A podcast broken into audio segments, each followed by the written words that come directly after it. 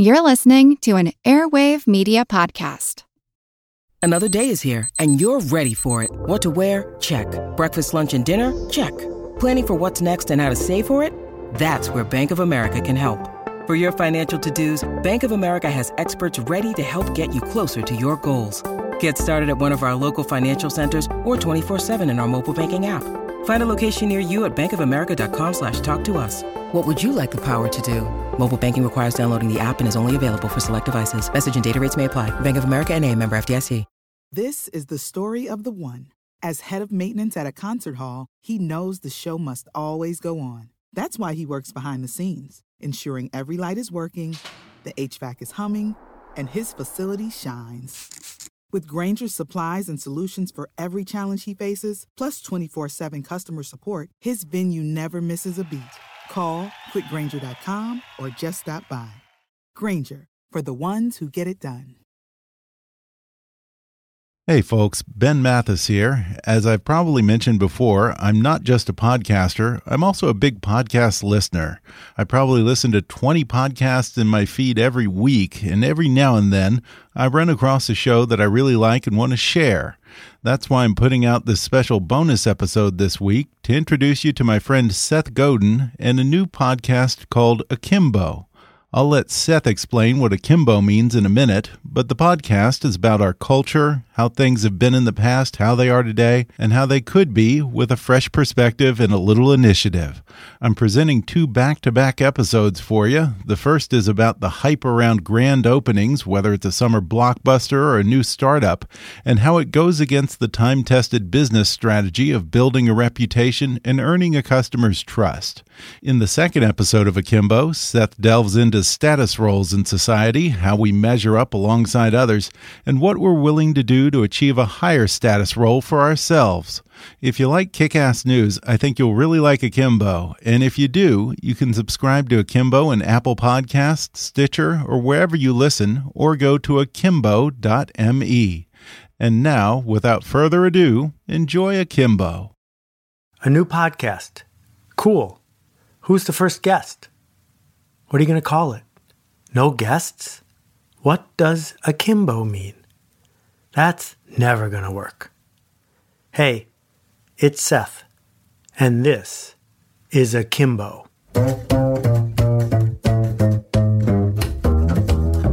And now a word from ZipRecruiter, our presenting sponsor. What do eyebrows have to do with making the right decision? A whole lot, actually.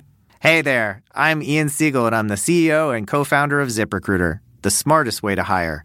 Being an entrepreneur and owning a business has been a dream of mine since I was a kid, and I've learned a lot of interesting things while turning that dream into a reality. Like how to tell if your big idea is really a big idea. Hint, it involves eyebrows. More on that later in the show. I founded ZipRecruiter because I knew there was a smarter way for businesses to find talent. Today, companies of all sizes and industries use ZipRecruiter to fill their hiring needs. And if you're hiring now, you can try ZipRecruiter for free at ziprecruiter.com/seth. 80% of employers who post on ZipRecruiter get a quality candidate through the site in just one day. So try it for free at ziprecruiter.com/seth. See you later in the show. The Italians have a wonderful phrase, salto mortale, the dangerous leap, the leap into the void. That fear we get in the pit of our stomach just before we commit. That fear that it's not going to work out. It's too soon. I'm not ready. And so we wait. But some people, some people don't wait. Carl Benz, when he launched the car, did it in Germany where it was against the law to drive a car. And there were no passable roads. And there were no gas stations. He should have waited. Gutenberg, pioneer of movable type, launched the book when there were no bookstores and when no one knew how to read, and when reading glasses were required but hadn't been invented yet. He should have waited. Internally, there's constant pressure to hesitate, to hold back, not to launch, to find flaws, to give ourselves one more chance. But recently we made it worse. We made it worse because in all capital letters we added launch big, that you need a grand opening, that if you can't have a home run, you shouldn't even try. I blame it on Gilligan, on the Brady Bunch, and on the Beverly Hillbillies. It goes all the way from there to The Odd Couple, all the sitcoms we grew up with. The Flintstones, which are sort of like the Honeymooners, but in prehistoric times. The Brady Bunch, here's the story of a lovely lady. All these shows had a lot in common. One of them was this the first 45 to 60 seconds was a theme song that explained in detail the entire storyline of the show. Even though the show, after commercials, was only 24 minutes long, the network insisted that they spend a minute to catch everybody up. That makes no sense. Why would you do that? So it's a mystery then. Why invest so much of this precious time in repeating a long theme song to make sure that no one was confused? Well, it's not that much of a mystery if you understand that before the internet and cable, there were only three TV channels. Half the country was watching three channels. And if people switched from one to the other, you'd lose them. Maybe forever. The show was live. That was it. Once and done. And so you got conservative because you needed the grand opening, the big win every time. Where did this idea come from? Because it doesn't line up with the way that civilization evolved. For a really long time, if you bought something, you were buying it from someone that you already knew. The people in the village were the people in the village the butcher, the baker, the candlestick maker. They didn't need a hype man, an advance man. They didn't need somebody pushing for the big grand opening. They were there yesterday and they were going to be there tomorrow. I think it's worth understanding it came from the carnival, from the traveling salesman, from the medicine man, from the people going village to village. They'd send their hype man up front, their advance man. They knew they only had one day, two days, four days to make the sale, and then they were leaving town again. If you blew it, it was live. You weren't going to get another chance. And so the grand opening. And so the need to pigeonhole yourself, the need to get it right the first time, to go big or to stay home. The carnies, the guys in the carnival, called it a bally. The bally was the shtick, the theme song, the thing you'd say over and over again to make sure that every single time you interacted with somebody, you could make the sale. Here's one from a bunch of years ago trying to get people to go in and see the piranhas. Get your tickets and come in. Killers of the Amazon can devour a cow in a matter of seconds, can leave nothing but the bare bones. First time shown in your city, and you may never have the chance to see it again. Alive, alive, alive. As you can see, the goal isn't to edify, to educate, to create an environment that you're going to come back again and again. The goal is to take your money and then leave town. And this idea that we've got to be in a hurry spread from that to the mass marketing of TV to the movies. It used to be that a movie could run for three months, six months, nine months in the theaters before it went away, usually forever. But then TV came along and TV advertising. And what the movie studios figured out was that they had a chance using TV to have really big opening weekends. And so they spent a fortune on Thursday nights advertising movies so that people would see them on the weekend. What they discovered was that giving away all the attractions in the TV ad, and more important, making a movie that lent itself to TV advertising, didn't lead to movies that were going to play in the theaters for months. Three days, 10 days, 20 days, gone. And so the same thing happened that happened to TV. We need to hype it. We need to promo it. We don't have very much time. We want to reach the largest number of people. Let's fast forward just a little bit more to Kickstarter, which I think should be called Kick Finisher. The reason it ought to be called Kick Finisher is that in order to make a Kickstarter succeed, except for the obvious edge cases, the random 1 in 10,000 that get lucky, someone had to get lucky. In order to have a Kickstarter succeed, you need to begin with the following. You need to begin with people who trust you. A Kickstarter is the end of a multi month or multi year effort to earn trust and attention. It's not a grand opening, it's a grand ending. That what you get to do when you make a successful Kickstarter is go to people, the edge cases, the loyal ones, the true fans, go to those people and say, I'm ready for you now. We're doing a Kickstarter. Those Kickstarters always work. If you have a sufficient following before you begin, they always work. So it's not a lottery. It's not a chance to grab a brass ring. That, as Kevin Kelly has pointed out, 1,000 true fans is sufficient to make it as a creative person. 1,000 people who will listen to you, who will pay you, who will show up, who care about you, who would miss you if you are gone. Only a thousand. So let's compare that to the grand opening thinking of I need 10 million people to watch this TV show or it doesn't work. That's a 10,000x difference. You don't need to play that game. You can play your game. And your game is slow and steady, daring, risky, thrilling, but slow and steady. Because the goal isn't to hype your way with an advanced man using a Bally day after day to get one more rube to give you a dollar to see your piranha. No, you're playing a different game. The game we're playing doesn't need a grand opening. It needs a grand finishing.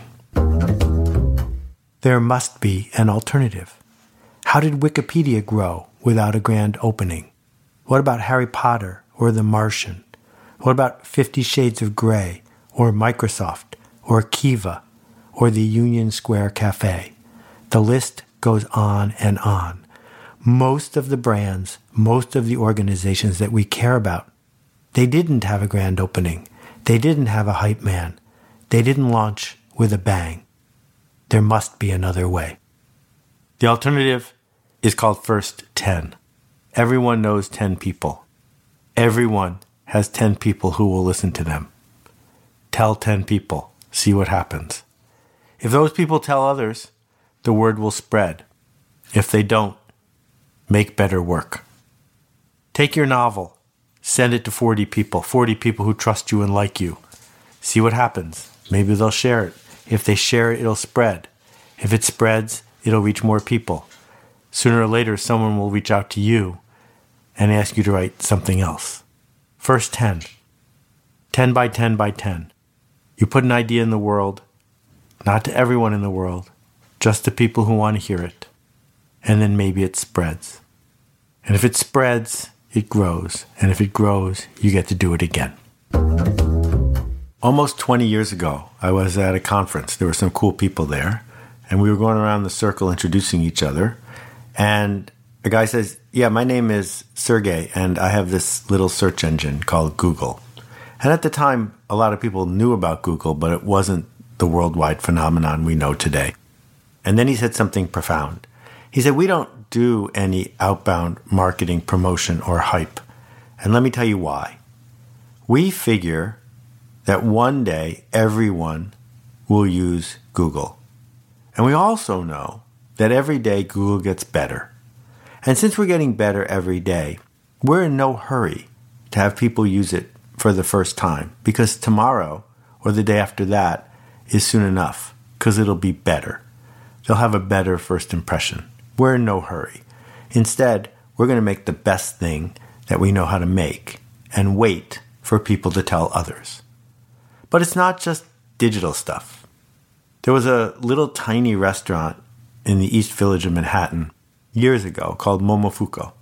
No one had ever heard of it. You could walk in any time. This guy named David Chang, sort of crazy, had a little counter and a bunch of tables. And my family and I used to go there, sometimes for lunch on a weekend. And there were all these rules. You couldn't leave this out, no subtractions, no additions, and eat what you eat. That's all you get. But what happened day by day, is the word spread. It got to the point, as Yogi Berra said, where no one goes there because it's so crowded. and it turned into an entire empire. Or consider the amazing podcast 99% Invisible from Roman Mars. How'd you hear about it? Did you hear about it from those Super Bowl ads they ran? Of course not. There were dozens and dozens of episodes of 99% Invisible before you heard about it. Because Roman took the same approach. How do I make something for a few, something special, something that's really hard to pigeonhole, something new? Or consider a piece of software like Dropbox. I don't recall ever seeing an ad for Dropbox until just recently.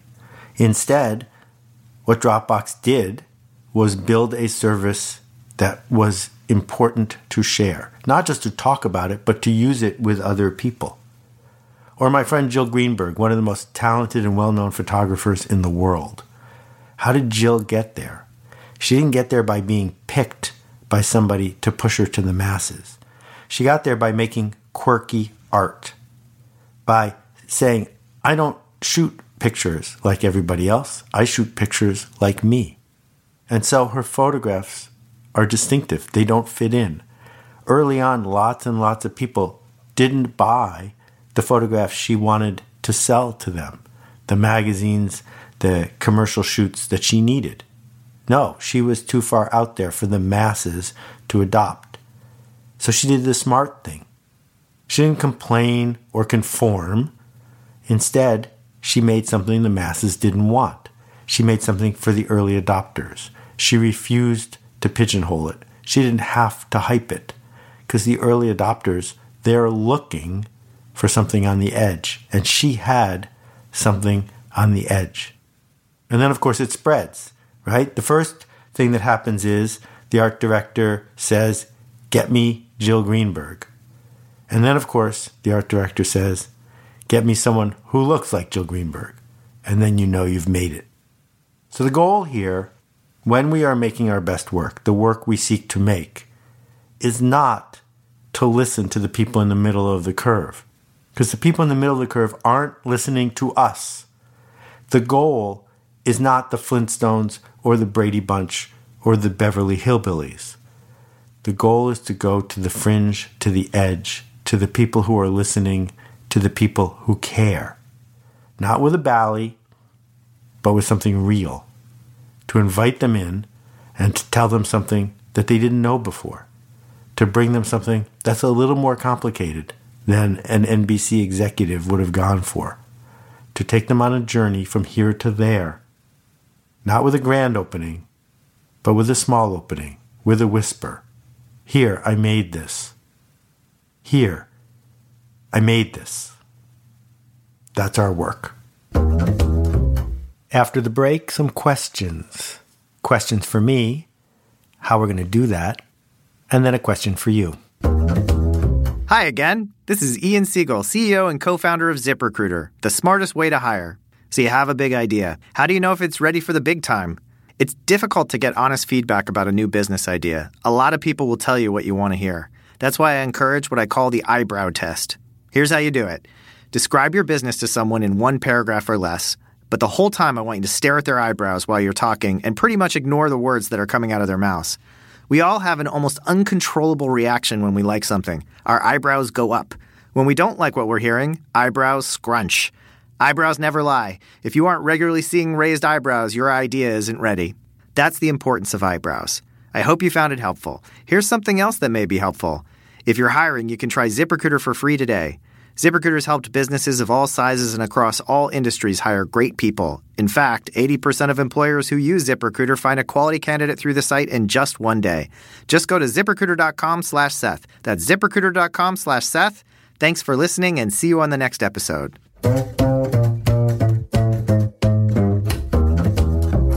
All right, questions. This is the first episode, so I don't have your questions yet about episode zero because there wasn't an episode zero. Instead, we're teeing you guys up to give me feedback and questions about this episode, which I'll answer next time.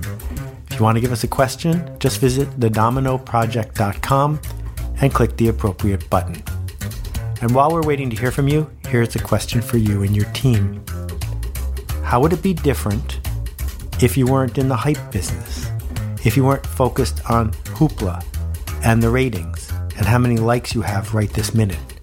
How would you build your product or your service or your cause if your goal was to make it deeper and more elegant?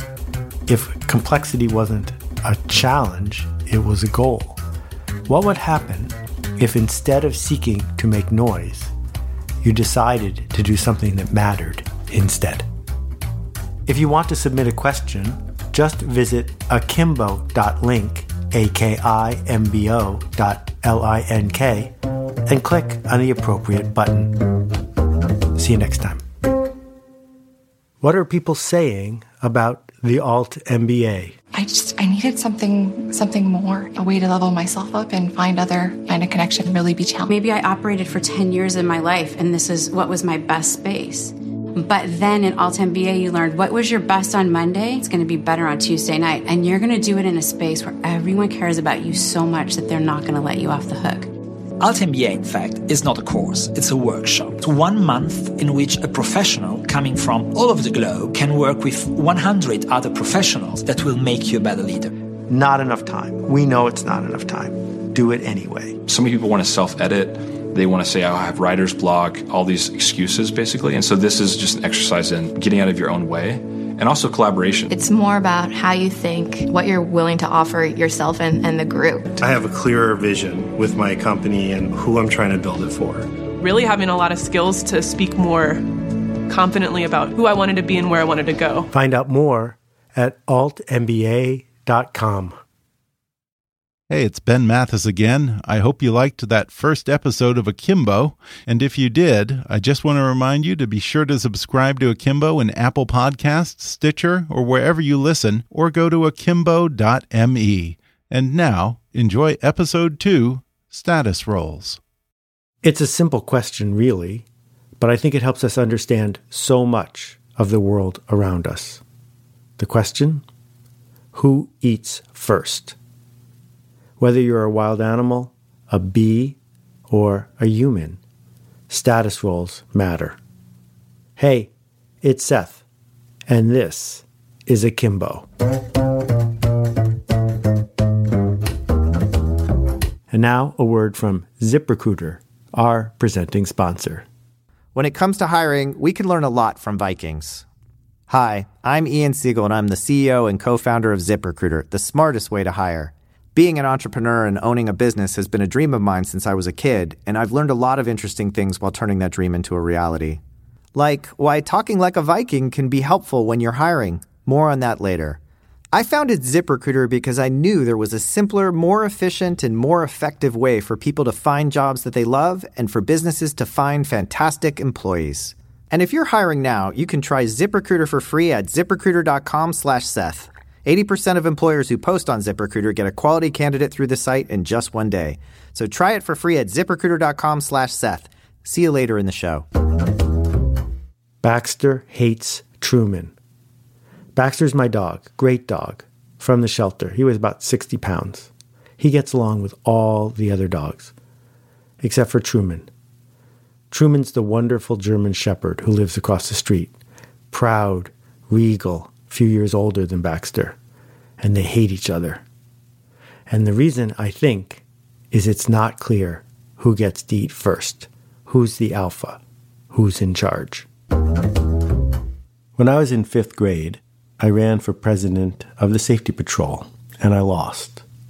And in ninth and tenth and eleventh and twelfth grade, I ran for student council president, and I lost.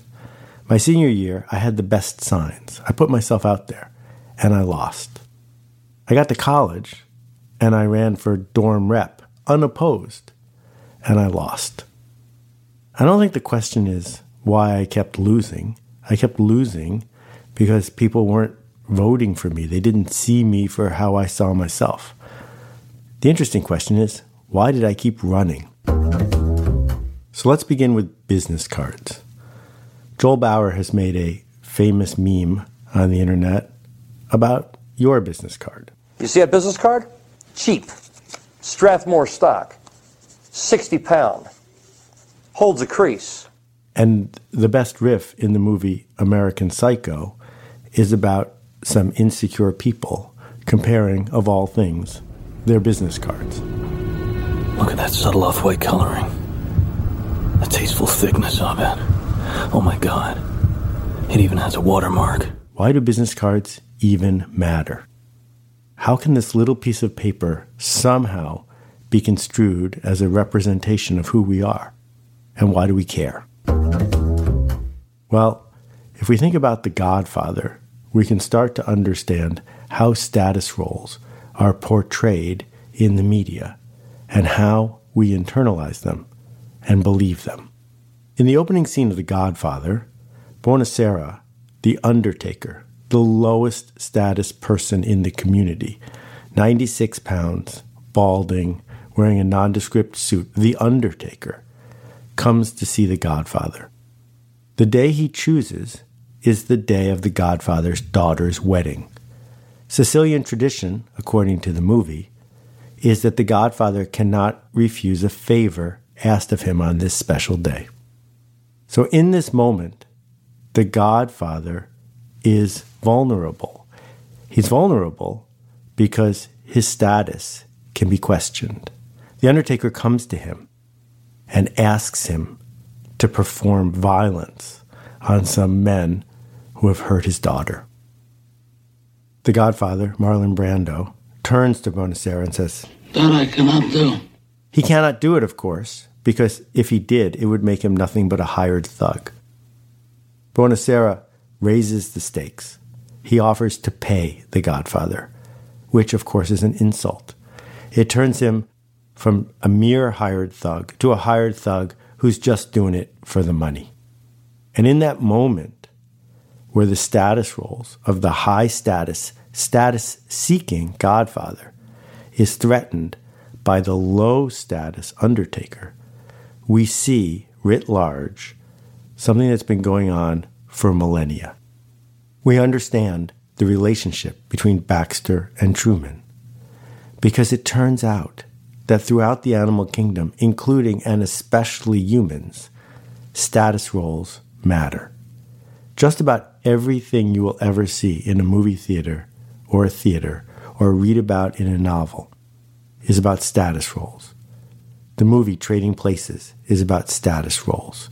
The sitcoms of the 60s, the comedies of the 80s, the thrillers that we see today, they're all about who's moving up, who's moving down. But of course, it happens in real life. And of course, it doesn't have anything to do with money. Think about that meditation weekend. Nothing but spirituality. Except some people at the weekend are friends with the instructor, so they have a little bit more status. And of course, the guest instructor is wearing a special outfit and sitting in a special chair, so he has a little bit more status. Tribes, these informal groups of people that we are all part of, demand status roles because it's a form of governance who's up and who's down.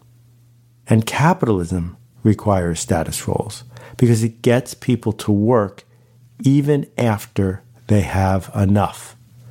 That the ability to be able to say, I might not have everything, but I have more than you, is buried deep within our culture.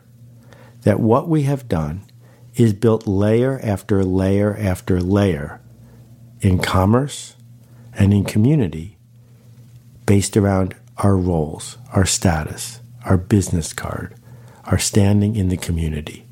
Those Louboutin shoes that she's wearing, that Birkin bag, who's sitting at the cool table at lunch, who's the head of the football team or the cheerleading squad or the student council. That we repeatedly look at other people and decide where we stand.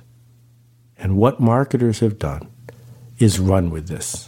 What politicians have done is run with this because we understand that deep down, human beings care about it.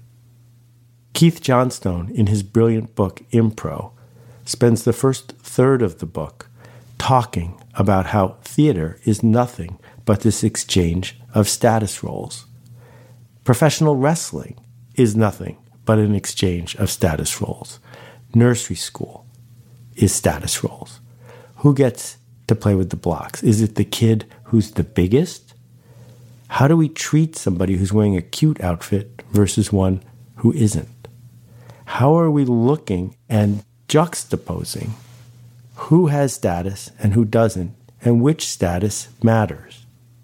If you had a chance to watch the videos of Donald Trump shaking hands with various world leaders, what you see is an ancient ritual, a battle for supremacy in something as absurd as a handshake.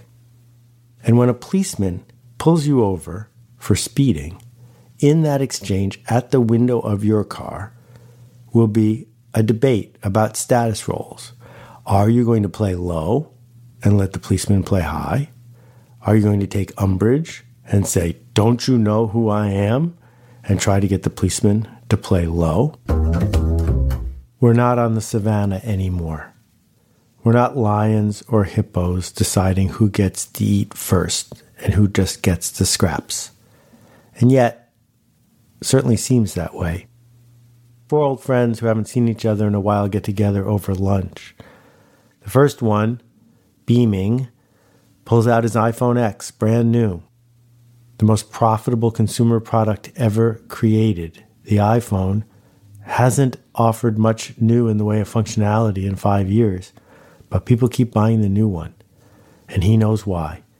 Putting it on the table gingerly, he's moved up in status.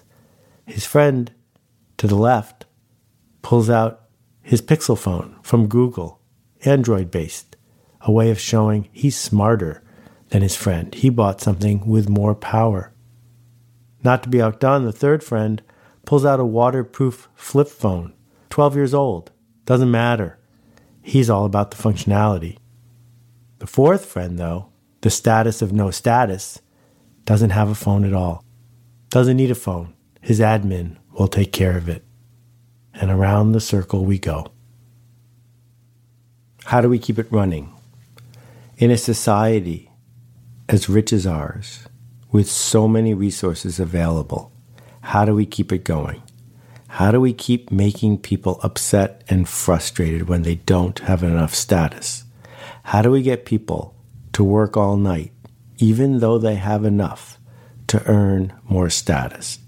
How do we create life and death situations? How do we push people to go into debt for status? Well, it turns out that shame, shame, that basic human emotion, one of the top six emotions that people experience. You know, you've got happiness, you've got fear, and then right up there is shame. Shame is the status enforcer. That what we have done is orchestrate a culture where if you are surrounded by people with more status than you, or if you believe that they have more status than you, We've instructed you to feel shame. And we hate shame. Shame's the deal killer. Shame undermines all of the things that we seek to have. So, to avoid shame, we make bad decisions. We make decisions that honor marketers or those that would manipulate us, as opposed to doing what's best for us and the people around us. And it's important that we learn to see it.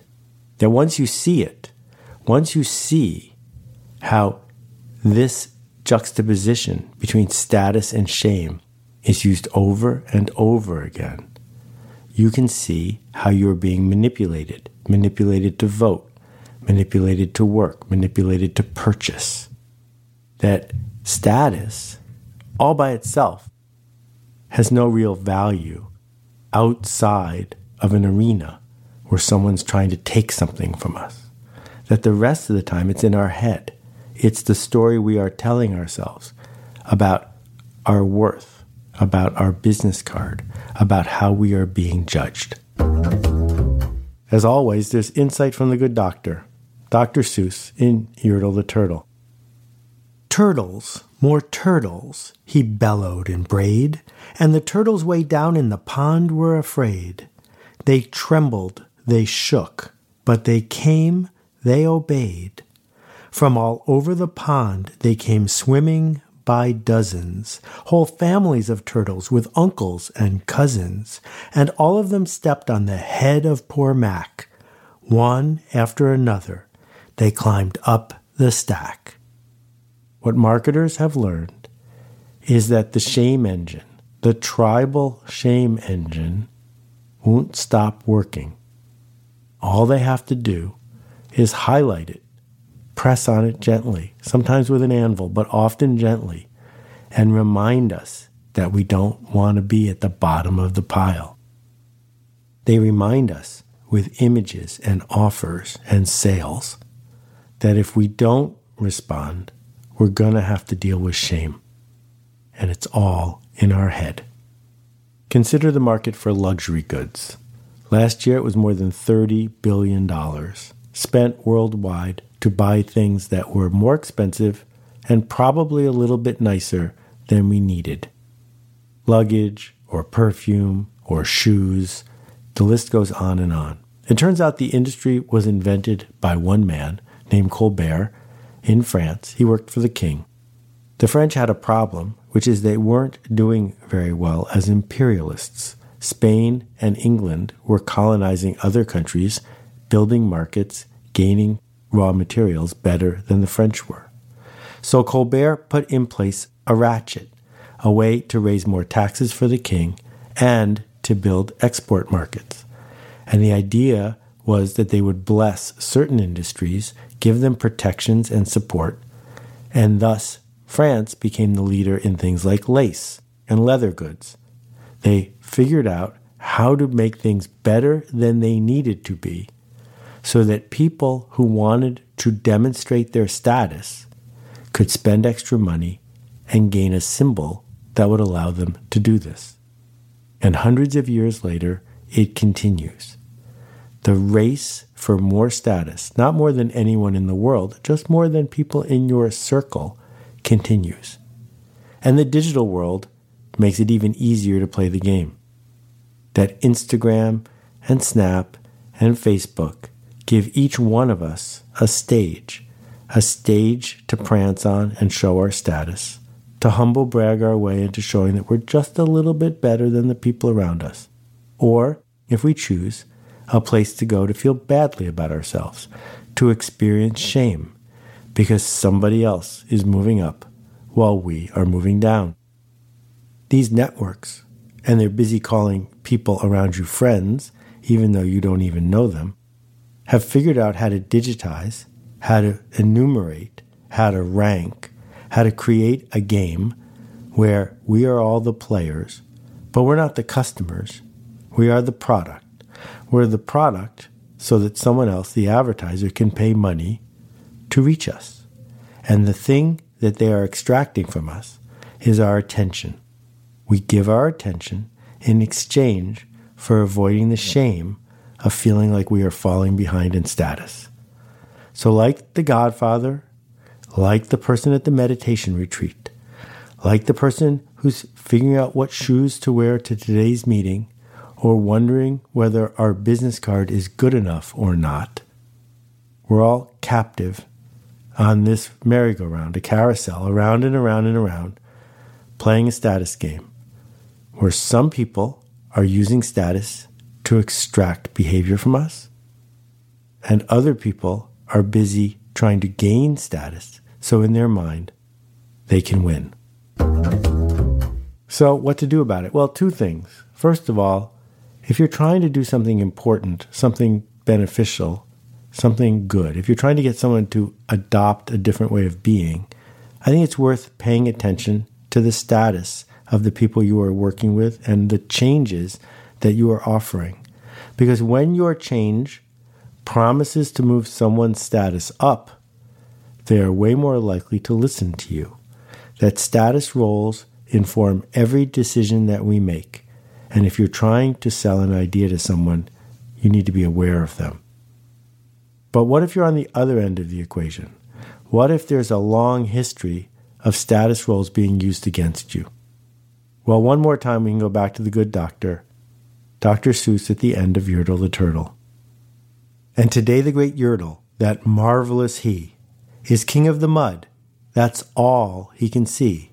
And the turtles, of course, all the turtles are free, as turtles and maybe all creatures should be. Interesting things happen when we start tweaking status roles. The Union Square Hospitality Group is a chain of restaurants, high end restaurants in New York City. A couple years ago, they decided to do away with tipping and instead add a service charge to every bill. They did this for a few reasons. One reason is that by law, the people in the back of the house, the people who cook the food, aren't allowed to take a share of the tips. So what was happening was there was a huge gulf between how much some people were paid and how much others were paid. By adding a service charge, they were able to treat everyone on the team as a professional. And what they discovered was that it shifted. It shifted the posture of the people in the back who were paid more fairly, but it also changed the way the service staff acted. Instead of it being a sexist or racist lottery where how much you were going to get at the end of a meal was based on the whim of a diner and how he or she was dealing with their own narrative about status, the people in the front of the house were able to act like every other professional in a field, getting paid fairly for what they did and doing their best possible work. It's interesting to note that some of the customers are uncomfortable with this, that having tipping be taken away from their discretion doesn't change the service experience, but it very much changes the status experience.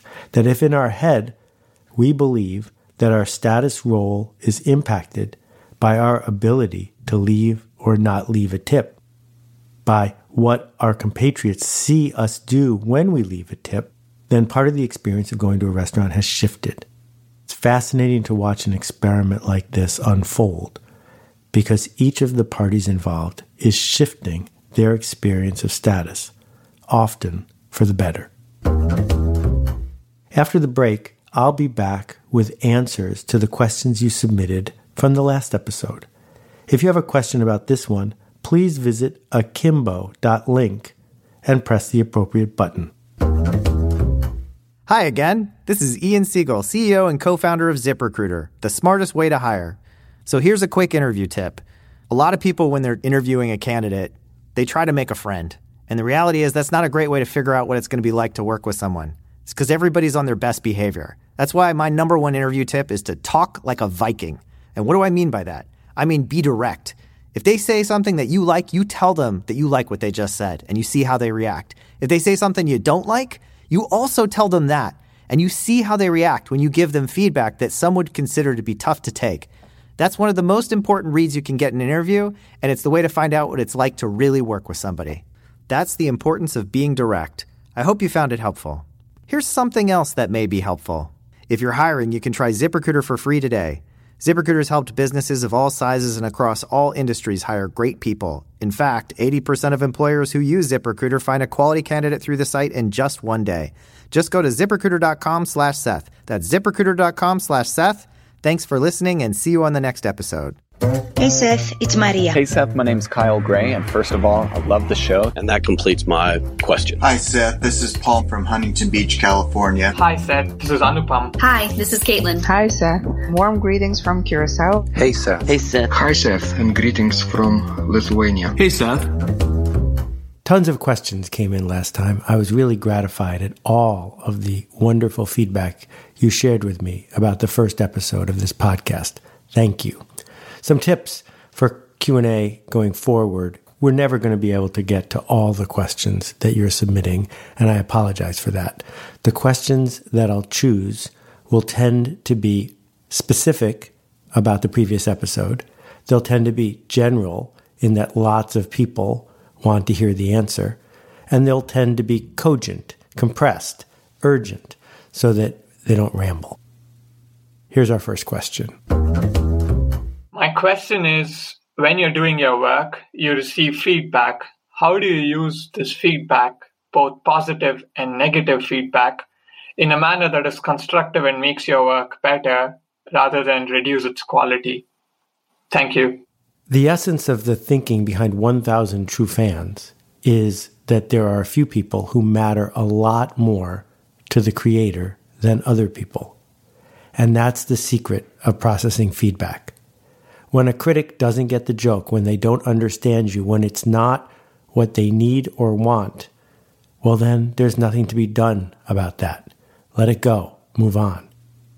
On the other hand, when you hear from the core constituents, from the people that you're counting on, you need to listen very carefully to that feedback. Treat different people differently. Being on your own and indeed building something that will spark change in a community. If you want to still have a balanced life, I'm talking about raising kids and also um, making sure that you get at least a couple of hours sleep a day. How do you manage to build something slowly, but then at the same time make money to survive? This was the most common question that came in, and it's based on a fundamental misunderstanding of what I'm talking about when I say that the grand opening is a mistake. Grand openings are expensive. They are fraught with risk. They are foolhardy. The other approach, the smallest possible market, the idea that we can find our people and delight them while ignoring everyone else, that's not slow, that's smart. And so if you're going to make something, you have to be prepared for the fact that it's not going to work right away, that it might never work.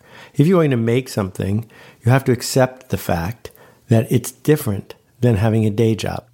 Bank tellers get paid when they show up at work every day. Creators don't. So I don't have a shortcut for how to live the life you deserve, how to have a steady income while doing this work. That's beyond the scope of what we're talking about today. But what I am arguing for is that the most efficient, smartest, productive way to do your work is not to wish and hope for the fairy of success to come and say, everyone knows your idea, because she's not coming. That the alternative is to be specific, urgent, and important, and to make a difference for a few people, because then they'll spread the word, and then you can do the work you wanted to do all along. Sometimes it feels like you're saying that uh, it doesn't matter the quality at first just get out there with your work the work that you believe in but then what if people give you uh, their attention at first and then you uh, create this not perfect you know ugly duckling and then uh, people see it and uh, they never take you seriously again there's a big difference between just ship it and merely ship it and i have never argued that people should just ship stuff out, whatever it is. Just take a flyer, throw it into the world. Merely do it, though. Merely is something else. Merely do it means with focus and with care. You cannot know what your audience actually wants until you engage with them. So, my argument is yes, build it with care, build it as if everything depended on it. But no, don't hold it back in fear. Don't hold it back wondering and waiting. You must engage with the audience. Does that mean that some people you engage with who don't get the joke will write you off in the future? Probably. But if you want to, go listen to Billy Joel's early demos.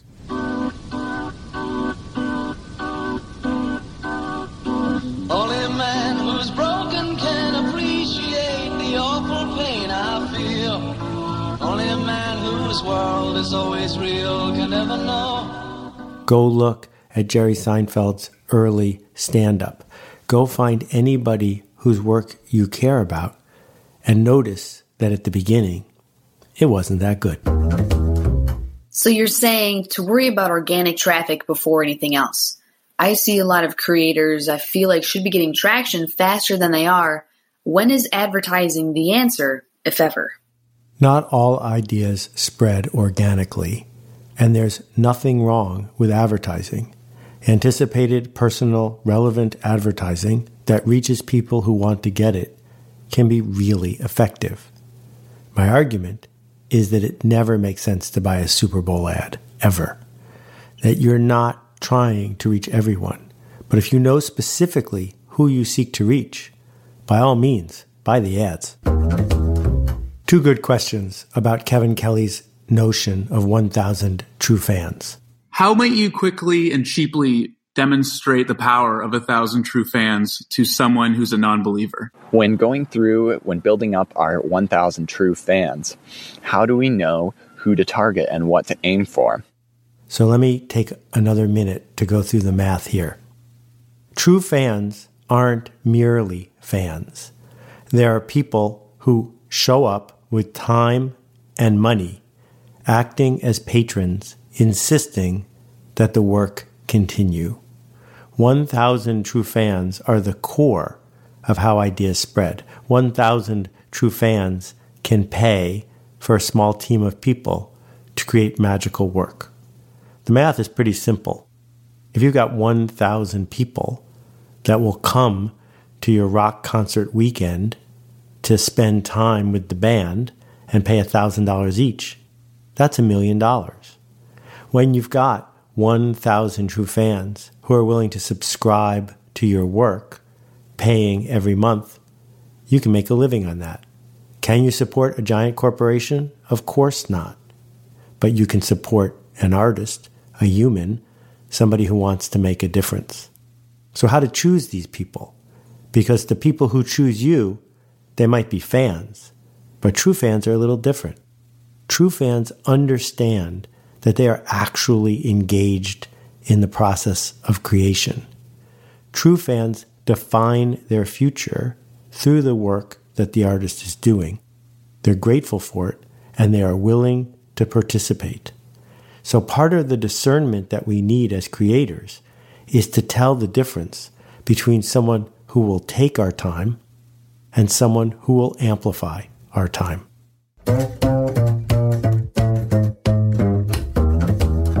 That's it for this round of questions. One more time, thank you so much for being part of this. If you want to see previous episodes, if you want to see the show notes, which are sort of cool, or if you want to ask a question for next time, head on over to akimbo.link. That's A K I M B O dot L I N K. Until next time, keep making a ruckus. Thanks. People are talking about the marketing seminar. I was completely blown away. It is incredibly comprehensive. Crazy, crazy, crazy useful. It's, it's easily worth five times what I paid for the course. The content in the class was awesome. What I learned, I actually could apply immediately and get results. I thought it's going to be kind of an automated course. And the big shock is the cohort. I have never felt more supported in any online program I've done. And that actually changed the way we talk about the project. It changed the way we promote it on our website. I use it in other projects. A way to really evaluate it and to apply it that I have never experienced anywhere else. It's so much more than just a marketing seminar. Find out more at themarketingseminar.com.